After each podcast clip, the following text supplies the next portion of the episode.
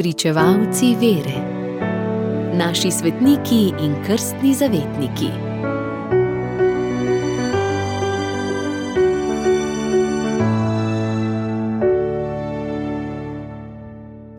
Dvanajsti november, god svetega Jozefa Takunčeviča, škofa in mučencev.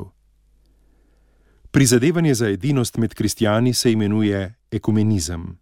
Zavetnik teh prizadevanj je današnji godovnjak, ki je živel v težkih časih, ko med pripadniki različnih krščanskih cerkva ni bilo prijateljskega pogovora, temveč so se med seboj sovražili, celo pobijali.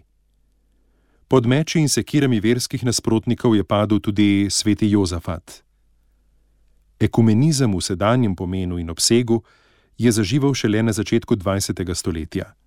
Pobudo zanj so dali protestanti, potem so se vanj vključili pravoslavni, po drugem Vatikanskem koncilu pa se je razmahnil tudi v katoliški cerkvi.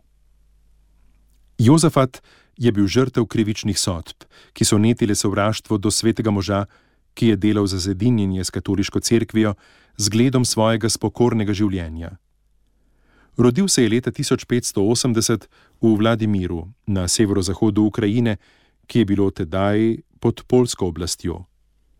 Po rodu je bil Belorus. Starši, ki so bili plemiškega rodu in pravoslavne vere, so mu pri krstu dali ime Ivan. Izučil se je za trgovca in je šel v mesto Vilna, kjer je prestopil kunijatom, katoličanom, ki obhajajo bogoslužje v vzhodnem obredu. Zahrepenel je po meniškem življenju in leta 1604, kot redovnik bazilijanec, dobil ime Jozafat. Kmalu je postal diakon, leta 1609 pa je bil posvečen v duhovnika. Nekaj let je bil samostanski predstojnik, ostra meniška pravila je izpolnjeval z vso resnostjo, vse čas je bil trdno prepričan, da je samo katoliška crkva v povezanosti z rimskim sedežem prava pot k Bogu. Leta 1617 ga je prijatelj Jožef Rudski, ki je postal načkov in metropolit, prepričal, da je sprejel škofovsko posvečenje. Najprej je bil načkov koadjutor, pomočnik, leto pozneje pa je postal načkov v Polocku. Tudi v tej službi se je ostro pokoril. V svoji pastoralni dejavnosti je rad pomagal ubogim, prizadeval pa si je za sožitje med pravoslavno in katoliško cerkvijo, vendar nasprotniki njegovih dobrih namenov niso hoteli in niso mogli razumeti. Leta 1620 so mu v Polocku za protivtež postavili pravoslavnega škofa, ki je zgovorjeno in pisano besedo sramotil na škofa Jozafata in hujskal proti njemu tudi ljudstvo, ki je bilo že tako zbegano od političnih zmed. Vedno bolj pogosto so mu grozili smrtjo.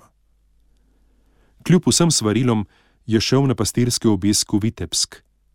12. novembra 1623. leta zjutraj so z meči in sekirami oboroženi možje obkolili škofovsko hišo.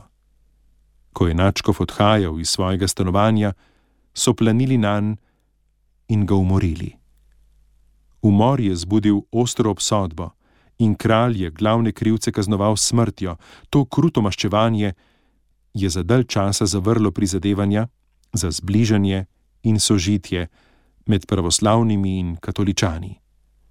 Papež Urban VIII je mučence Jozefata leta 1643 razglasil za blaženega, za svetnika pa ga je razglasil papež Pij IX leta 1867. Njegovi posmrtni ostanki od leta 1949 počivajo v baziliki svetega Petra v Rimu. Radio Ognišče, vaš duhovni sopotnik.